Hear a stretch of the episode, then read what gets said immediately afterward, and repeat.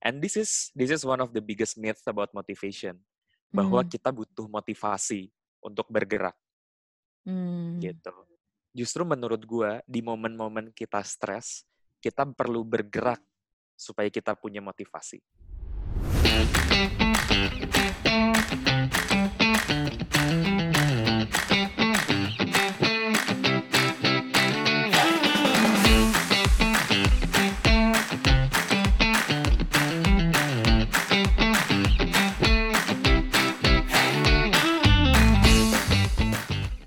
Hai semuanya, selamat datang kembali di podcast Tips and Trick. Aku Titi, dan yang buat baru join, uh, Tips and Trick itu adalah podcast yang bakal ngulik topik-topik seputar soft skills dan tips and trick apa aja yang bisa kita praktekkan langsung di keseharian kita untuk bisa mengasahnya menjadi lebih baik. Nah, salah satu soft skill yang penting dan menurutku lumayan jadi isu di kaum milenial seperti kita ini adalah how to manage our stress. Jadi gimana caranya kita bisa menghadapi tekanan atau stres dan tetap stay on track atau tetap fokus. Nah, hari ini aku ngundang Kak Vikario buat share tentang topik yang sangat seru ini. Hai Kak Vik, apa kabar? Baik dong. Selamat datang di podcast Tips and Trick. Terima kasih sudah mau meluangkan waktunya. Thank you juga lo udah udah udah nginvite gue. Nah, Kak Vikario ini dulu adalah kakak kelas aku di kampus, jadi kita sama-sama dari Teknik Industri Hmm. ITB. Um, Kak Fik, boleh ceritain nggak uh, sekarang kesibukannya tuh lagi ngapain, terus di uh, kerja di mana, uh, role-nya apa, dan sebenarnya seberapa relate sih dengan topik managing stress itu sendiri? Sure, sure, sure. Gue saat ini kerja di Gojek. Di Gojek itu role gue namanya program manager. Hmm. Um, program manager tuh kerjanya adalah planning dan executing sebuah inisiatif yang cross function Hmm. gitu. Jadi kerjaan gue tuh adalah dari company nih misalnya ada sebuah priority terus kayak misalnya sekarang kan kita lagi remote semua. Kerjaan gue sekarang adalah gue memperkenalkan sebuah tools untuk ngebantu tim-tim di Gojek itu untuk bisa collaborate remotely. Nah, jadi eh, itu arahan dari CEO. Terus ya udah gue kerja sama setiap tim untuk mastiin ini bisa berjalan. Hmm. Um, dari role gue sendiri sebenarnya seberapa dekat dengan stres sebenarnya lumayan lumayan lumayan erat. Hmm. Terutama kenapa? Karena kerjaan gue ini sangat dependent sama orang lain gitu kan. Hmm. Karena ketika kita ngerjain hal yang sangat kolaboratif, sangat tergantung kayak ini timnya kooperatif atau tidak, timnya ini gimana Hmm. ngeresponnya gitu kan. That's one. Hmm. Number two, belum lagi juga kan kita ini remote kan. Jadi kayak kalau dulu di kantor enak banget. Kita misalnya ada yang kurang responsif, kita tinggal samperin, kita tinggal tanya, eh ada masalah apa? Atau Hmm. kayak kalau misalnya ada konflik sedikit bisa diajak ngopi dulu, terus diajak ngobrol. Kalau sekarang kan kayak langsung Zoom gitu kan. Betul, betul. Dan emang kita juga nggak biasa untuk kayak Zoom, terus kita hangat-hangat dulu kan beda banget kan kalau kita ketemu langsung Mm-mm, kayak mm-mm. gitu. Dan yang ketiga ada elemen time sensitivity-nya juga karena kan kayak semakin lama kita nggak menyelesaikan ini bakal semakin um, kurang produktif lah um, Hmm. company-nya gitu kan. Jadi menurut gua kerjaan ini lumayan erat dengan stres gitu. Hmm. Dan not to mention ya gue sendiri juga tidak kebal terhadap pengaruh dari WFH gitu kan karena gue orangnya sangat memvalue social interaction dengan teman-teman kantor gue. Hmm. So itu yang lagi gue kerjain sekarang Hmm. gitu kan. Terus, nah ini nih salah satu berkah dari pandemi adalah gue lebih punya banyak free time karena gue sekarang jadi lebih nggak banyak pergi-pergi dan juga gue nggak commute gitu kan. Jadi gue sekarang lagi ngerjain sebuah side project. Um, side project gue namanya Follow Your Flow. Itu ada di Instagram, uh, followyourflow.id.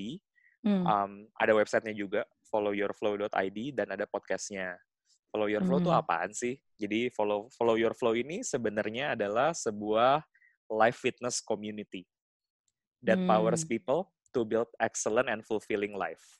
Hmm. Kalau mau tahu paralelnya, kalau teman-teman tahu F45 gitu kan. F45 kan adalah sebuah komunitas untuk fitness Hmm. kesehatan kan kayak kayak untuk untuk untuk untuk kesehatan fisik yang di mana kayak F45 itu ada trainernya, ada komunitasnya, dan Hmm. ada workoutnya yang challenging. Nah, follow your flow juga kurang lebih sama kayak gitu. Ada gue dan Hmm. partner gue yang kayak suka sharing-sharing berdasarkan pengalaman kita. Terus ada komunitasnya di mana orang-orang di sini akan saling membantu sharing, saling menguatkan, saling uh, sharing info. Dan yang ketiga adalah kita bikin program juga di mana program kita ini ngebantu orang untuk ya itu tadi having a better life gitu. Hmm. So that's basically yang lagi gue kerjain sekarang. Menarik banget ya kak. Dan buat yang dengerin ya, follow your flow itu aku juga uh, follow di Instagram ya. Follow your flow, follow di Instagram ya. Followception. Tapi itu kayak emang emang bagus banget sih konten-kontennya. Jadi kayak um, salut buat Kafik dan Mbak Ika karena sangat membantu. So go check it out guys yang dengerin podcast ini. Oke, jadi sebelum kita lanjut Uh, seperti biasa ya, aku mau jelasin dulu alur dari podcast ini.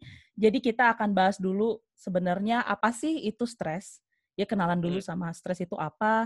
Terus kenapa kita harus memanage stres itu sendiri. Terus bagaimana sih hubungannya dengan motivasi kita saat kita bekerja dan gimana cara kita tetap bisa fokus. Dan tentunya adalah tips and trick apa aja nih yang bisa Kafik share untuk teman-teman yang dengerin supaya bisa semakin jagolah memanage stres di kehidupan sehari-hari. Oke. Okay. Jadi kita langsung aja ya. Kafik. Boleh. Ceritain dong, hmm. kalau menurut Kafik itu apa sih sebenarnya stres? Right. Jadi menurut gue stres itu adalah sebuah term yang lagi sering banget digunakan untuk melabeli sebuah perasaan di mana kita merasa tertekan, gitu hmm. kan gue pengen meng-highlight dua kata di sini yaitu perasaan dan tertekan gitu kan. Hmm. Kenapa di kata perasaan? Karena kadang-kadang yang gue observe stres itu tuh nggak necessarily situasinya yang membuat kita merasa tertekan, tapi kitanya yang menganggap situasinya itu tuh tertekan. Contohnya ya, hmm. ya, jadi kan kalau kita tadi ngomongin tekanan, jadi kan tadi dua kata yang mau gue highlight adalah perasaan dan tekanan.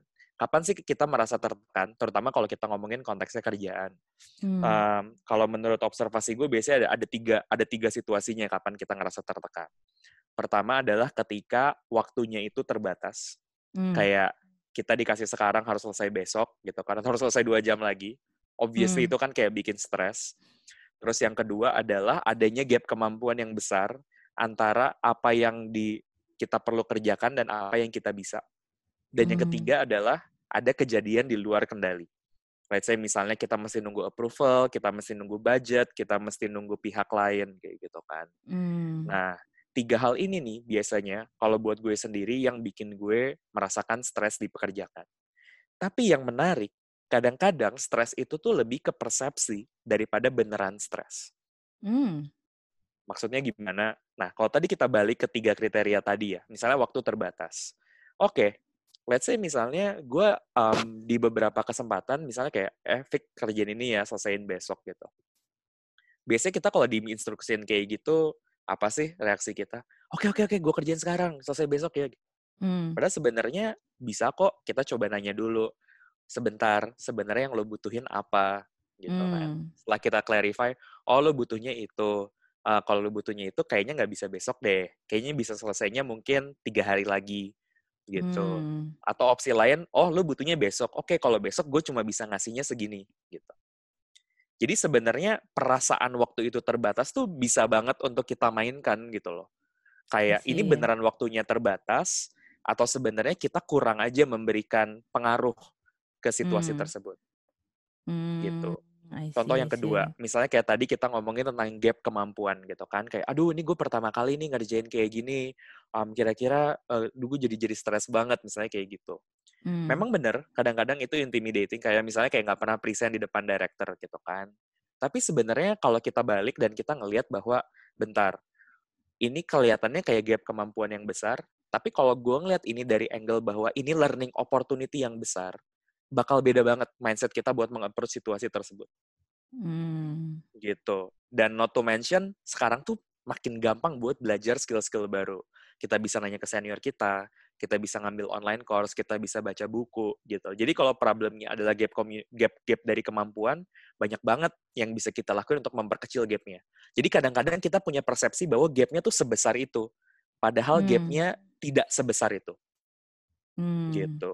Contohnya dulu um, sekitar dua tahun yang lalu gue harus uh, gue mendapat tugas untuk bikin training program buat engineer, software mm. engineer. Gue nggak bisa ngoding. Jadi langsung kan gue kayak keserang gitu kayak gila nih kayaknya mm. gap kemampuan gue besar banget gue nggak bisa ngoding terus gue harus ngajarin orang tentang software engineering gitu kan. Mm, mm. Terus kayak ketika gue lagi stuck, terus gue mikir kayak wait ini kan nggak harus gue sendiri yang ngerjain gue kira uh, call lah temen engineer gue di Bangalore. Eh gue lagi punya problem kayak gini menurut lo gimana? Oh gue tahu nih lu yuk datang lo ke Bangalore kita diskusin bareng-bareng. Gila hmm. gue seminggu ke Bangalore selesai. Problem itu nggak ada. Wow. Exactly gitu loh. Gitu. hmm. gitu sesimpel karena gue choose untuk take action terhadap si gap kemampuan tersebut. Dan setelah gue mendalami bidangnya gue sadar bahwa benar juga. Untuk gue bisa membantu untuk bikin training program buat engineer gue nggak harus bisa ngoding, tapi gue perlu bisa kerja sama sama engineer, dan gue justru instead of belajar caranya ngoding, tapi gue belajar gimana caranya gue collaborate sama engineer. Gitu. Hmm. Ketika gue membuat bahwa gap skillnya itu dari ngoding ke kerja sama sama engineer, gapnya tuh jadinya jauh lebih kecil, dan gue jadi lebih tidak stres. Gitu. Hmm. Terus yang ketiga tentang ada kejadian di luar kendali gitu kan. Kayak banyak banget misalnya contohnya kayak aduh kita masih nunggu approval, aduh kita masih nunggu orang lain. Di sini hmm. gue suka banget uh, pelajaran yang gue belajar dari Seven Habit tentang be proactive. Kalau teman-teman hmm. di sini ada yang pernah denger gitu kan. Pas kuliah kita dulu ya? Iya pas-pas kuliah pernah diajarin gitu kan. Yeah, Tapi yeah. menurut gue pas pas kerja ini super super penting hmm. karena gue ngerasa banget bahwa kita perlu tahu nih mana hal yang bisa kita kontrol dan hal yang nggak bisa kita kontrol right? Hmm. Banyak hal yang kita nggak bisa kita kontrol, tapi kita selalu punya ruang untuk memperbesar influence kita. Hmm. Contohnya di budget misalnya kayak gimana? Kita bukan orang yang bisa approve budget, tapi kita mungkin bisa initiate conversation sama uh, orang yang punya power atau misalnya GM dan kita bisa pitch, oke okay, di project ini gue akan butuh um, uh, budget, jadi alasannya bla bla bla bla bla bla. Jadi bisa nggak lo approve budgetnya? Of course kita nggak punya kuasa terhadap budget, tapi ketika kita merasa bahwa gue bisa kok menginfluence decision making, kita jadi merasa lebih punya banyak kontrol. Hmm. Sama kayak yang yang yang yang yang relevan banget yang lagi gue kerjain sekarang. Gue kan uh, lagi mencoba untuk me, me, apa ya membuat satu company mengadopsi sebuah software gitu kan. Hmm. Dan ketika gue reach out ke orang, banyak banget ada beberapa orang yang nggak membalas gue. Hmm. Ketika orang nggak membalas gue, gue mikir, hmm, kira-kira kira-kira gimana ya kan kayak ya kan gue nggak bisa memaksa dia membalas email gue kan misalnya Betul. kayak gitu gue jadi mikirnya kreatif oke dengan um, power atau dengan influence yang gue punya gimana caranya supaya gue bisa selangkah lebih dekat sama orang itu ya hmm. ya udah ternyata option yang gue punya adalah eskalasi ke manajer gue ketika hmm. gue eskalasi ke manajer gue manajer gue ngomong sama dia langsung kayak oh iya ya sorry sorry gue nggak gue nggak gue nggak ngecek email gue biasanya lebih enak diajak meeting langsung ya udah gue meeting langsung sama dia and the meeting hmm. happens karena dan di situ hmm. sebenarnya ada distorsi dari persepsi bahwa sebenarnya gue punya kontrol lebih kok dari situasi daripada yang awalnya gue kira gitu. I see. Tapi itu setuju banget sih kak dan menurut aku tuh poin penting adalah um, stres itu mungkin hanyalah persepsi dalam artian gini dulu sebelum kerja ya dan mungkin pas zaman kuliah dan uh, belum rajin baca-baca buku seperti sekarang kayak yeah. stres itu seperti serangan apa ya kayak panic attack gitu kayak oh tiba-tiba yeah. semua di luar kendali wah gue nggak bisa ngapa-ngapain terus ya udah kayak ujung-ujungnya nggak ngapa-ngapain cuma duduk nangis karena kayak sering gak sih kayak kita denger teman kita atau mungkin diri kita sendiri bilang kayak aduh gue stres banget tapi kayak ya udah that's one statement tapi jarang banget kita mendelve lagi sebenarnya kenapa sih gue bisa stres gitu exactly. jadi exactly. poin yang tadi tuh penting banget sih untuk di kita ingat selalu. benar, benar. Dan mungkin gue bisa nambahin bahwa kadang-kadang hmm. memang kan kayak tadi gue banyak meng-highlight bahwa kadang-kadang kita tuh agak-agak melebih-lebihkan situasi gitu. Hmm. Tapi di hmm. beberapa situasi memang keadaannya memang ngeselin. Yeah, Let's say yeah. misalnya kalau lo ternyata kena layoff pas kemarin. Hmm. It sucks being laid off. Dan misalnya kayak kalau emang kesel ya wajar banget untuk bisa kesel. Kalau mau stres wajar banget untuk bisa stres gitu. Dan that's that's completely okay. Nah hmm. dan the question is kayak after that what's next gitu kan? Yang hmm. yang kadang-kadang agak jadi kontraproduktif adalah ketika kita udah stres kita kayak paralyzed secara berkepanjangan gitu. Hmm, benar sih. Jadi nggak ngambil action untuk mensolve si stres itu sendiri gitu ya kak Benar, benar. Karena jadinya beku gitu loh kayak uh, uh, uh, uh, uh, gimana ya terus kayak nangis. Ya nggak apa-apa. It's it's completely okay gitu. Hmm. Gue bukan tipe yang kayak jangan nangis, nggak boleh harus kuat, nggak juga gitu. kayak if you need space and time untuk feel the stress, feel it please hmm. gitu. Tapi kayak di time box, saya misalnya mau stress berapa lama nih, weekend dua hari, ya udah dua hari. Hmm. After that, hmm. then what's next gitu. Jadi bukan mendinai uh, perasaan yang kita rasakan saat itu ya, tapi kayak Bener. take your time kalau emang mau sedih, tapi ya udah next stepnya harus ada nih gitu. Benar, benar. Dan gue hmm. one of the person yang sangat guilty untuk um, bagian untuk merasakan perasaannya gitu. Karena for the longest time gue tipe orang yang suka mendinai. Jadi kayak dari stres, gue langsung kayak, oke okay, apa yang bikin gue stres? Oke, okay, next stepnya apa gitu. Gue nggak hmm. memberikan space buat diri gue untuk merasakan stres itu kayak apa, sedih itu kayak apa, frustrasi itu kayak apa. Karena gue langsung fokus untuk kayak the next thing gitu. Hmm. Itu bagus sebenarnya. Bagusnya kenapa? Karena gue jadi kayak nggak punya downtime. Yang kayak ya udahlah kayak di baru baru ngalamin nggak baru ngalamin hal yang jelek dikit langsung bangkit lagi. Ya hajar Tapi ada hal itu ya. Ada hal buruknya hmm. dari dari dari approach yang gue lakukan dari approach yang gue lakukan hal buruknya adalah gue jadi tidak bisa belajar gimana caranya mengaknowledge perasaan gue dan itu hmm. berasa ketika gue lagi berkolaborasi sama orang kayak gue memiliki kesulitan untuk merasakan perasaan orang lain gitu hmm. sedangkan ketika gue sekarang perlu kolaborasi sama banyak orang banyak orang yang ngerasa bahwa kalau kolaborasi mau lebih bagus mereka perlu untuk dimengerti dulu secara emosional dan nah di bagian itu gue lagi belajar sekarang gitu loh jadi untuk setiap pendekatan ini memang ada kayak plus and minusnya gitu Ya itu penting banget sih Kak, poinnya untuk bisa ngambil downtime ya. Karena kebanyakan orang mungkin kayak langsung jump into the solution tanpa benar-benar berkenalan sama perasaannya sendiri. Kayak kenapa dia exactly. merasakan seperti itu. Exactly. Hmm. Hubungannya tuh apa sih Kak biasanya dengan motivasi? Karena banyak nih kayak uh, dengar atau mungkin kadang kita ngalamin juga kan, oh karena stres jadinya nggak termotivasi gitu. Nah sebenarnya yeah. apakah motivasi ini memang hubungannya erat banget dengan perasaan stres itu sendiri? Ya, ya, ya, ya. So this is an this is an interesting conversation menurut gue. Kenapa? Karena um, kalau kita ngomongin yang sering kejadian adalah karena gue stres, gue lalu tidak termotivasi, lalu gue hmm. ya udah nggak ngapa-ngapain aja, gue nggak mau olahraga, gue nggak mau baca buku karena gue hmm. lagi nggak mood aja gue lagi stres gue tidak termotivasi gitu and this is this is one of the biggest myths about motivation bahwa hmm. kita butuh motivasi untuk bergerak hmm. gitu justru menurut gue di momen-momen kita stres kita perlu bergerak supaya kita punya motivasi hmm. gitu. jadi dibalik jadi kan ya, yang sering dibalik jadi yang sering terjadi adalah ketika kita stres kita tidak punya motivasi, maka kita tidak bergerak. Hmm. Yang di sini gue suka banget adalah ketika kita stres, kita bergerak supaya kita itu punya motivasi. Dan hmm. ini ada hmm. ada ada ada penjelasan sainsnya di di di balik ini semua gitu. Hmm. Jadi one of my most favorite resource itu adalah um, TED Talk-nya Emikadi. Kalau hmm. lo pernah nonton atau teman-teman pernah nonton. Jadi Emikadi ini bikin sebuah research tentang um, how uh, our mind itu kan biasanya yang sering terjadi adalah kita mikir bahwa karena gue sen, um, karena gue merasakan sesuatu maka gue melakukan sesuatu karena hmm. gue merasa sedih maka gue menangis hmm. nah dia tuh melakukan eksperimen bisa nggak kalau dibalik kalau gue melakukan sesuatu maka gue jadi merasa sesuatu Hmm. Yang di eksperimen yang dilakukan itu adalah sebuah eksperimen yang namanya power posing. Bisa hmm. jadi kayak kalau gue saat ini merasakan powerless, makanya gue kayak langsung kelihatannya minder. Bisa nggak hmm. gue melakukan hal-hal yang orang powerful lakukan sehingga gue merasa powerful. Jadi kayak di reverse engineer gitu. Hmm. Jadi actionnya dulu yang membuat kita merasakan sesuatu.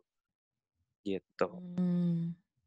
Jadi kayak dan ternyata berdasarkan eksperimennya dia gitu loh. Ketika orang itu kayak power pose, power pose itu adalah membuat dirinya merasa besar, kayak bayangin membentangkan tangan, terus kayak berdiri dan kayak membuat dirinya lebar. Bayangin kayak orang tuh abis lari, lewatin finish line, terus ngangkat tangan, badannya kerasa besar.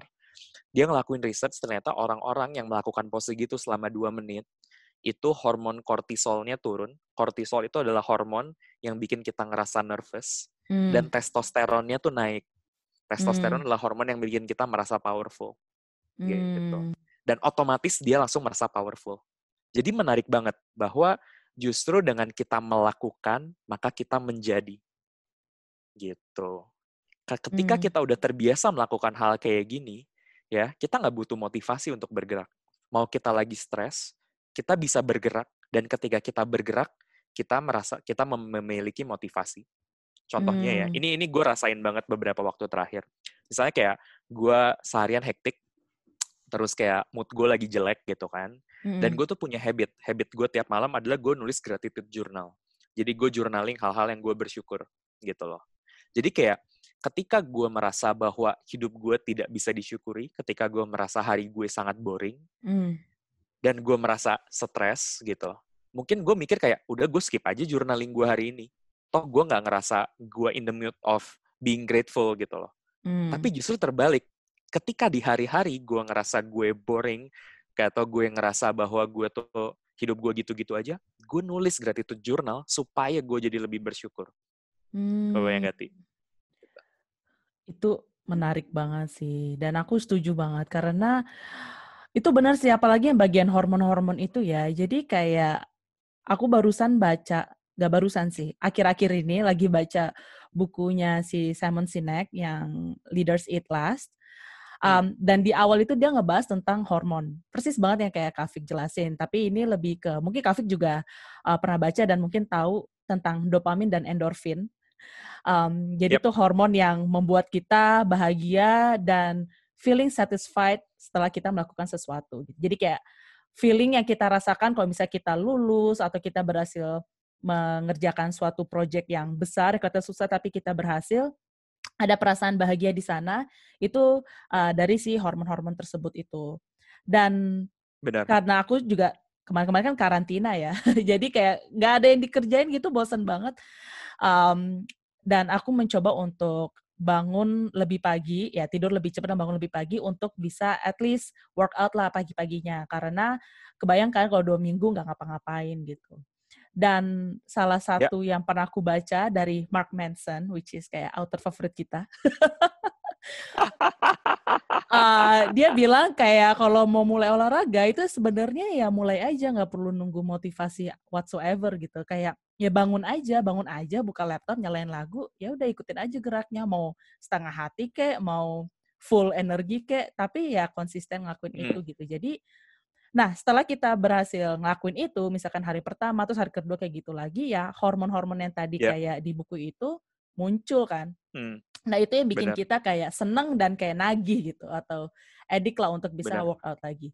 Jadi poin yang tadi Kak Setuju. Fik sampein itu menurut aku penting banget sih em, tentang membalik motivasi itu bukan alasan kita untuk bergerak, tapi kita bergerak supaya bisa mendapatkan motivasi. Setuju, setuju banget. Luar biasa. Wah seru banget sih nih Kak ngobrolnya. oh sama gue mau nambahin, dan di sini biasanya jebakan Batman yang paling terasa sih. Apa tuh? Jadi kan tadi kan kita sempat ngebahas ya Ti, tentang kayak nggak usah mikirin motivasinya dulu, kita gerak dulu aja. Hmm. Nah, yang sering terjadi nih ya, yang gue banyak ngobrol sama orang-orang, termasuk gue ngalamin sendiri adalah bahkan kadang-kadang untuk bergerak di awal ini tuh kita suka mager gitu. Hmm. Kayak em, contohnya misalnya kayak gini, kan kayak tadi lo bilang bahwa kayak oh eh, contohnya lo bangun pagi-pagi supaya bisa workout gitu kan. Hmm. Tapi kan banyak orang yang kayak, aduh bangun pagi, gue kan bukan morning person, kayak gitu Iya kan. betul betul. Atau kayak, aduh gue kan nggak sporty, Hmm, aduh badan gue kan lemah, kayak gitu. Hmm. Jadi um, di sini gue pengen mengidentify ketika oke kayak ah Fik lo gampang banget ngomongnya action doang, tapi kan banyak banget cobaannya untuk kita melakukan action kayak gitu kan. betul betul. gitu. Kayak yang tadi gue sebut salah satunya kan itu bukan gue, personality gue nggak kayak gitu, kayak gitu Hmm. loh. Let's say misalnya kayak kalau lo orangnya tipe yang kayak nggak nyaman public speaking, Betul. terus kayak lo lagi pengen belajar public speaking, terus gue bilang udah lo public speaking aja. Pasti lo pikir kayak lo gila ya, gue nggak bisa kali, gue Iya, introvert belum banget pede misalnya, gitu. atau gue belum Hmm. pede kayak gitu. Nah di sini gue pengen memperkenalkan terhadap sebuah konsep yang Hmm. namanya limiting belief gitu. Hmm. Jadi um, yang gue dan kayak gue dan Mbak Ika, partner gue share di kelas kita, itu adalah sebuah konsep namanya limiting belief. Jadi limiting belief itu adalah sebuah kepercayaan hmm. yang kita percaya terhadap diri kita sendiri yang menghambat kita. Hmm. Gitu. Menarik. Nah, di yang kita sering sadar atau tidak sadar, banyak banget alasan yang kita lempar itu berbasis terhadap limiting belief. Hmm. Contohnya kayak tadi, kayak, aduh gue bukan morning person. Bukan morning person itu adalah sebuah limiting belief. Karena kayak seakan-akan lo nggak bisa bangun pagi gitu loh.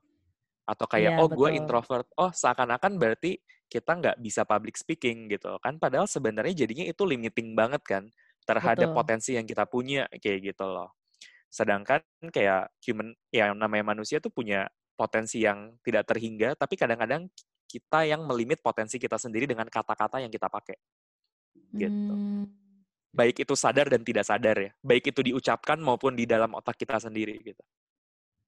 Ah, itu beneran menarik banget sih Kak dan thank you for pointing that out karena menurut aku termasuk diriku sendiri sih dan mungkin teman-teman di luar sana itu adalah hal yang mungkin kita nggak nggak merasa itu sesuatu belief yang melimit kita kayak ya misalnya gue bukan morning person ya emang gak morning person aja sih dari data historis saya selalu telat bangun exactly. gitu.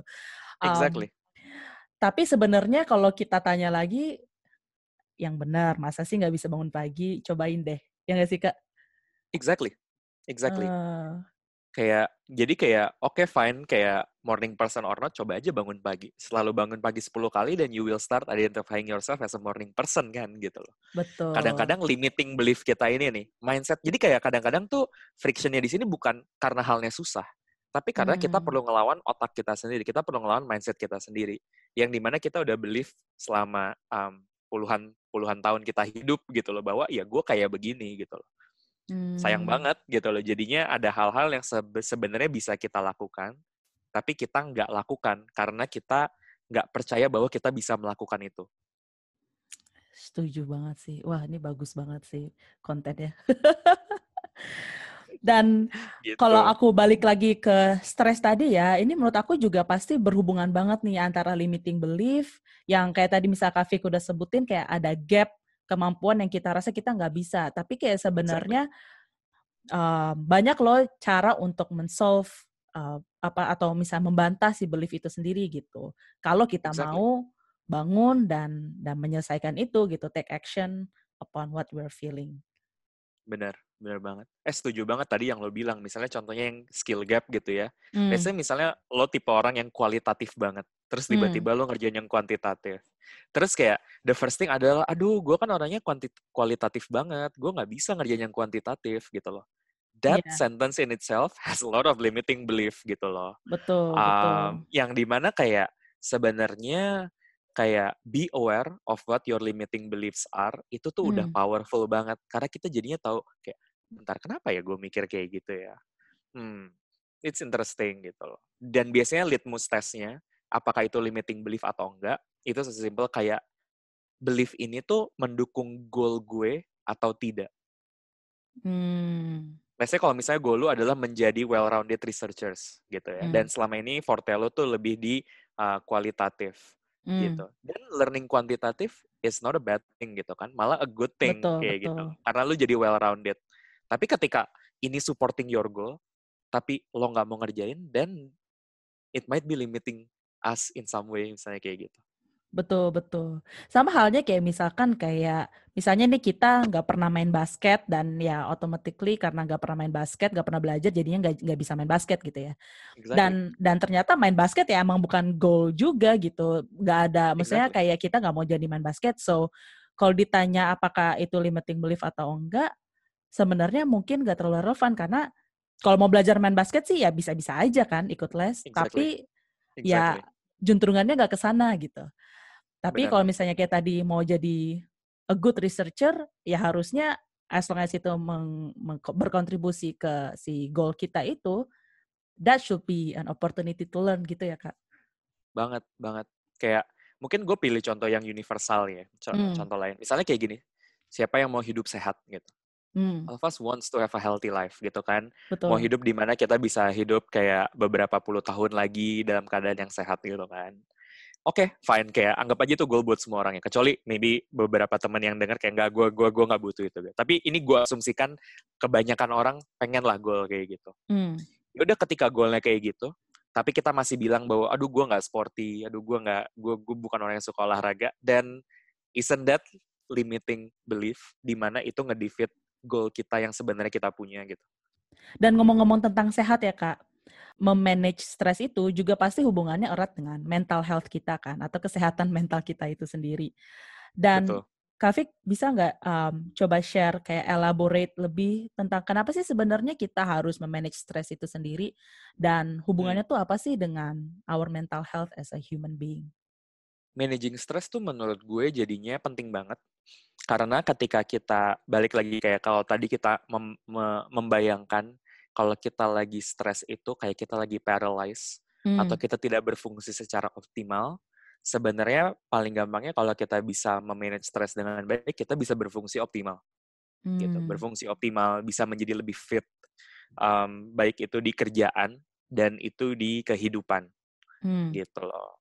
Nah, bahkan misalnya let's say kayak, oh nggak apa-apa, gue stres juga nggak apa-apa kok kerjaan gue masih bagus. hmm, Good for you, tapi balik lagi, um, tergantung juga sih prioritas hidup setiap orang gitu kan. Gue betul. mungkin punya perspektif yang di mana there is more to life than just work gitu. Jadi ketika Hmm, gue stres di kerjaan dan gue still doing a good job at work, gue gue kadang-kadang nggak terlalu puas karena kadang-kadang kalau gue beneran stres itu ke spill over ke aspek hidup gue yang lain. Misalnya ke hmm, keluarga, ke pengembangan diri, ke kehidupan betul. spiritual, ke hubungan sama Hmm, orang lain gitu loh. hmm, Um, jadinya makanya di situ gue ngerasa managing stress tuh penting banget both hmm, for work and also life outside work gitu. Karena kita pengen jadi fully functioning human being kan, gitu. hmm. I see. Dan sebenarnya Kak, kalau misalnya kita tidak mulai belajar untuk memanage stres kita, apa sih biasanya dari pengalaman Kak Fik yang yang kelihatan banget nih, oh nih orang nih kayaknya emang belum bisa nih kayaknya managing stresnya dia. Ya, ya. Well, sebenarnya yang menarik kalau kita ngomongin subjek soal stres, um, alat ukurnya tuh lumayan um, tricky ya, karena kita nggak Hmm, bisa benar-benar bilang, oh ini stres, ini nggak stres. Dan especially karena gue juga bukan kayak, um, bukan seorang train psychologist or something gitu, gue nggak bisa bilang kayak, oh ini tipenya depresi ringan, depresi berat, atau kayak betul, stres betul. ringan atau gimana gitu kan. Hmm, Jadi kayak mungkin gue bisa kasih perspektif yang awam hmm, terhadap stres. Menurut gue sebenarnya kalau ngomongin stres tuh ada faktor yang kelihatan dan faktor yang tidak kelihatan. Contoh yang kelihatan sebenarnya pa- gampang sih, kayak misalnya orangnya mukanya nggak enak terus, terus hmm, kalau diajak ngomong kayak senggol bacok, terus betul. juga kalaupun let's say misalnya kerjanya baik-baik saja, mungkin ini akan nge-affect ke aspek-aspek lain di kehidupannya, mungkin di kesehatannya, mungkin Hmm, di keluarganya, mungkin di hubungannya dengan orang lain, kayak gitu. Tapi itu hmm, yang kelihatan. Tapi yang menarik dari stres ini adalah kadang-kadang stres itu tidak terlihat.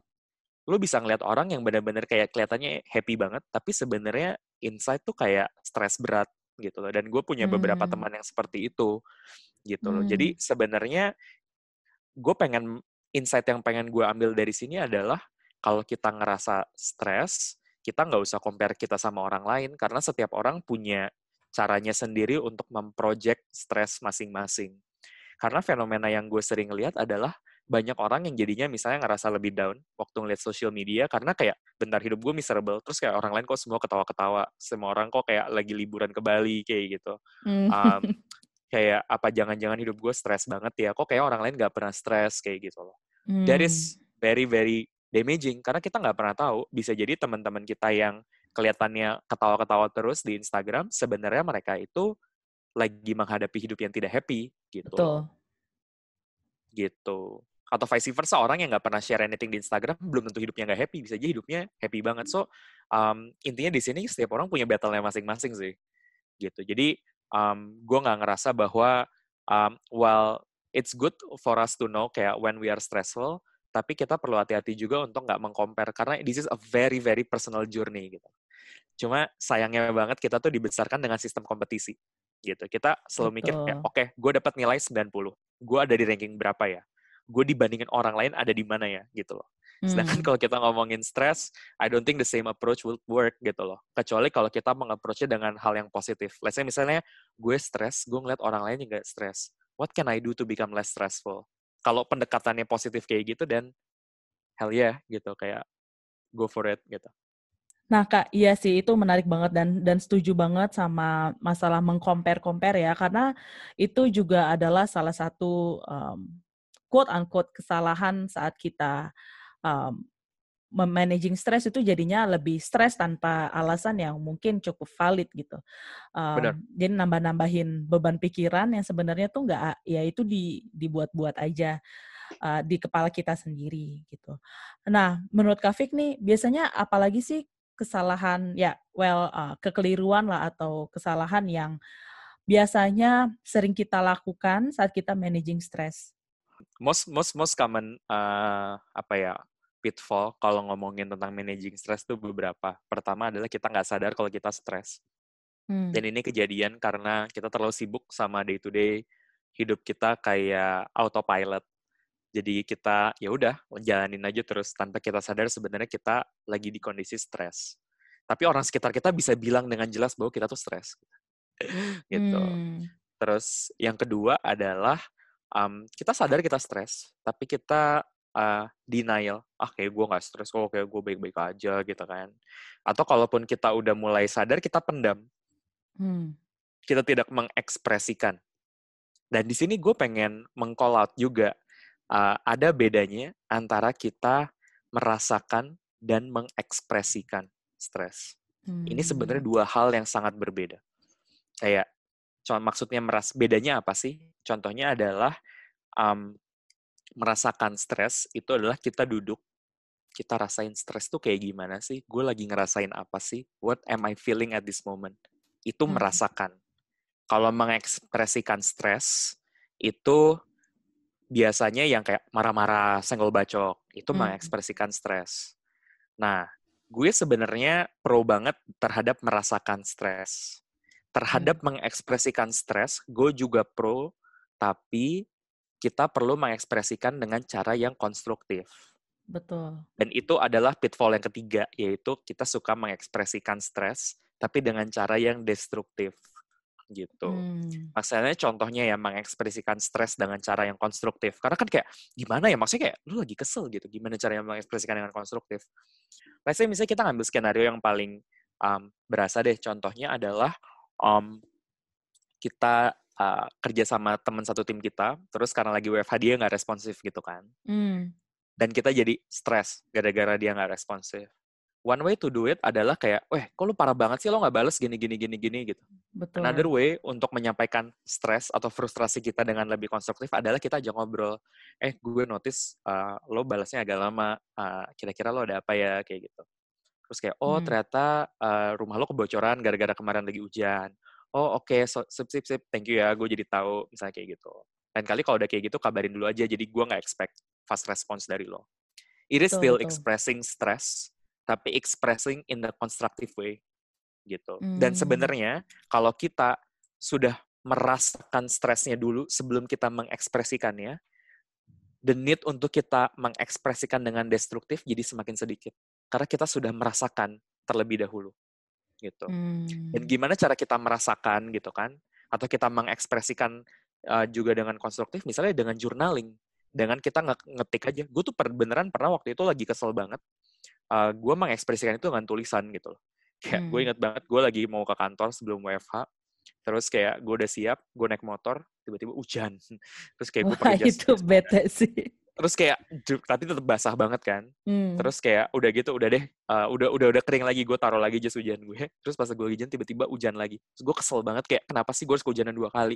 Gitu loh, kayak dalam rentang waktu 30 menit gitu kan. Hmm. Terus gue datang ke warteg tempat langganan gue beli makanan, terus kayak makanannya habis. Terus gue kayak, kenapa sih hari ini tuh gue kesel banget gitu loh. Iya Nah, iya. daripada gue membiarkan itu keluar di meeting dan membahayakan teman-teman gue, gue beneran ngetik. Gue ngetik di handphone gue kayak hari pagi ini gue kesel banget, gue kesel banget karena gini gini gini gini gini gini gini. Gitu. Iya betul betul betul. Jadi ketika itu udah keluar semua, gue tidak memendam, gue merasakan dan gue mengekspresikan dengan konstruktif karena no one is harm ketika gue ngetik notes. Gue bisa ke meeting dan gue tidak tidak perlu menyampaikan frasa frustrasi gue dengan hidup gue ke teman-teman kantor gue gitu. Balik ke cerita lo kehujanan, gue agak kasihan sih kak.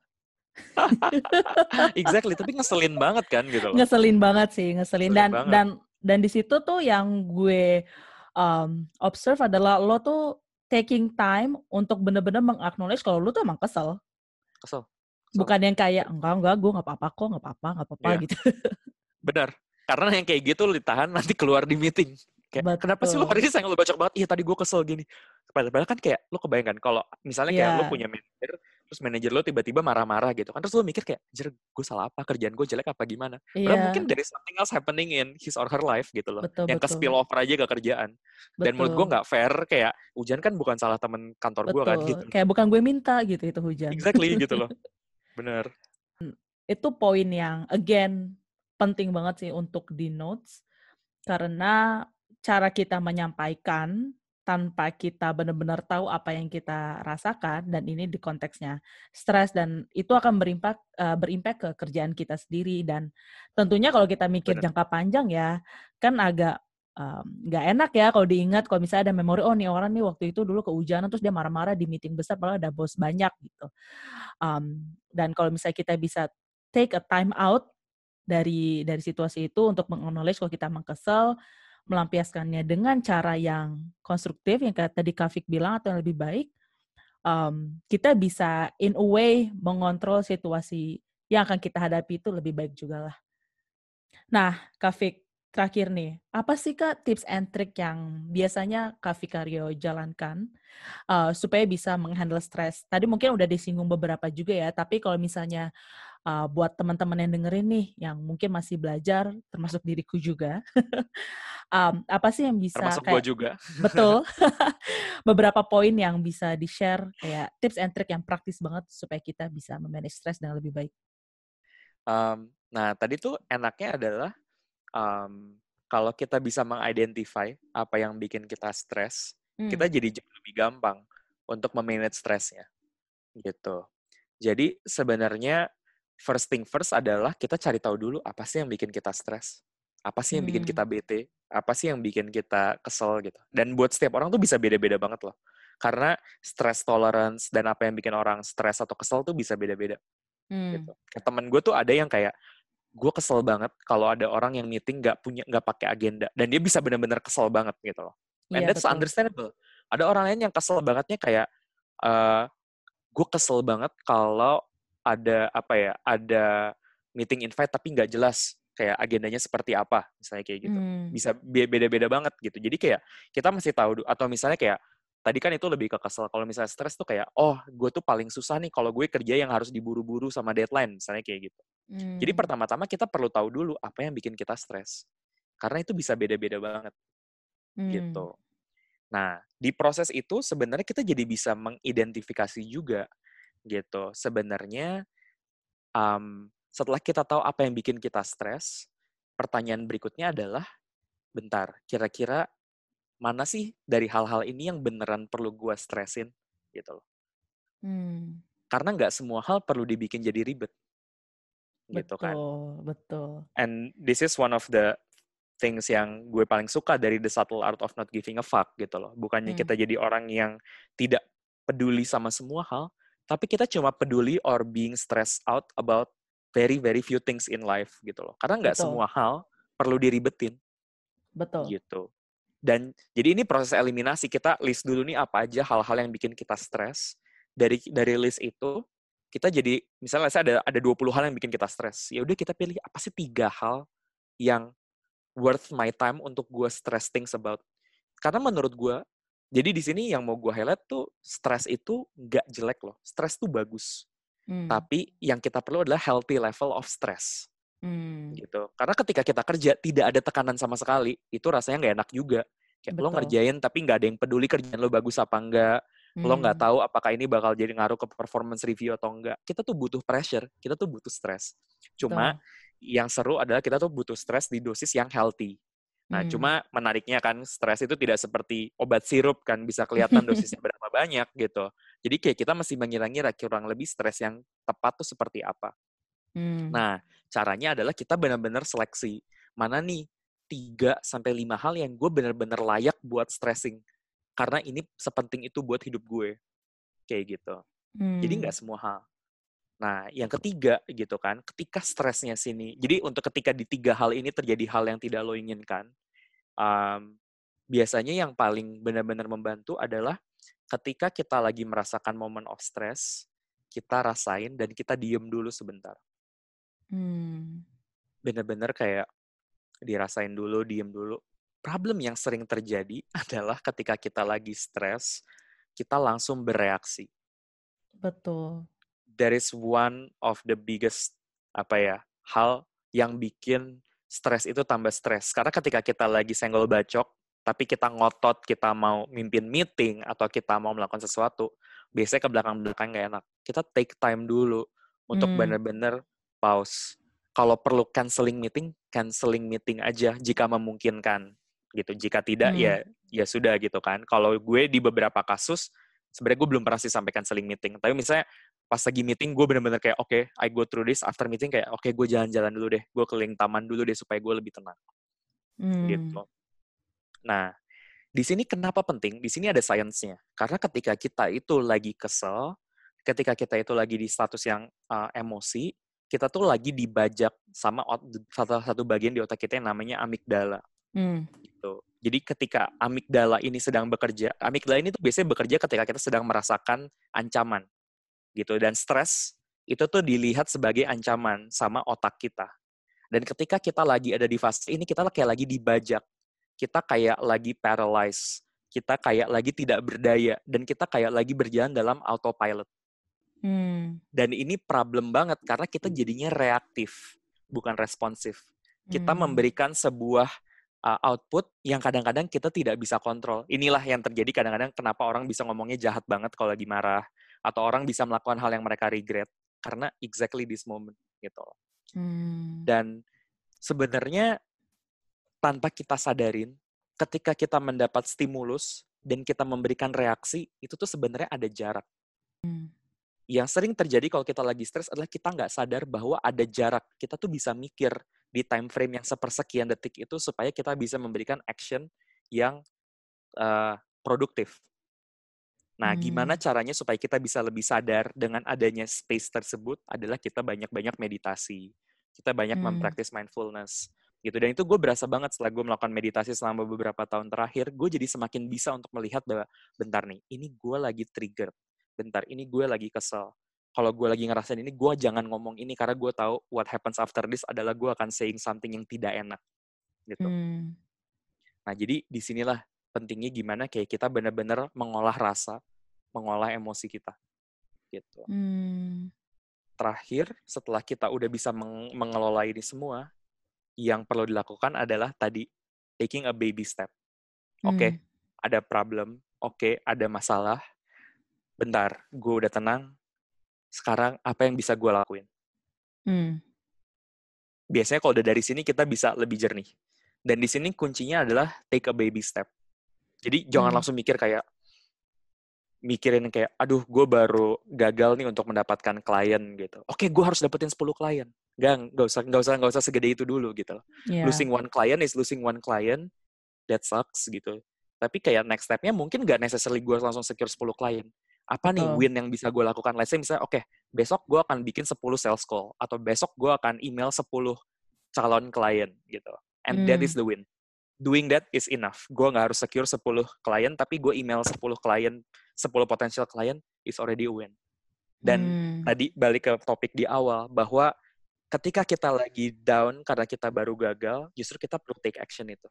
Supaya kita muncul lagi motivasi, muncul lagi motivasi, muncul lagi motivasi.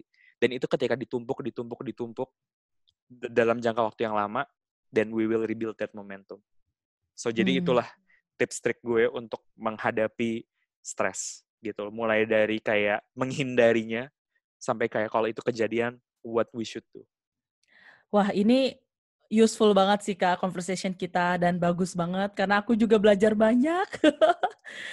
Jadi terima kasih banget Kak Vikario sudah sharing um, tentang apa sih itu stres, kenapa itu penting dan juga tips and trick apa aja sih yang menurut aku sangat handy dan praktis yang bisa kita um, terapkan di kehidupan kita sehari-hari. Jadi sekali lagi makasih ya Kak Vikario sudah meluangkan waktunya. Siap, sama-sama Ti. Thank you banget juga uh, sudah mengundang gue. Dan sejujurnya topik ini tuh um, topik yang gue super passionate about gitu kan. Jadi kalau misalnya dan obviously kayak podcast ini tidak akan cukup untuk mengcover semuanya.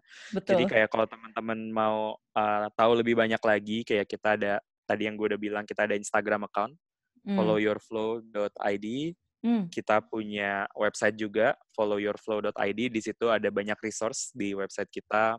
Kita punya e-book yang isinya 41 wisdom in life hmm. yang ditulis sama um, partner gue, Mbak Ika, yang sudah menendalami dunia training selama 20 tahun terakhir. Hmm. Terus kita juga ada banyak deh ada free webinar juga di website kita. Jadi kayak kalau ada yang tertarik dengan subjek ini dan pengen belajar lebih jauh, um, kita banyak banget resource. Tadi ada website dan yang ketiga ada podcast. Follow hmm. your flow. Gitu. Jadi buat teman-teman yang dengerin sekarang, gimana kamu manage stres hari ini?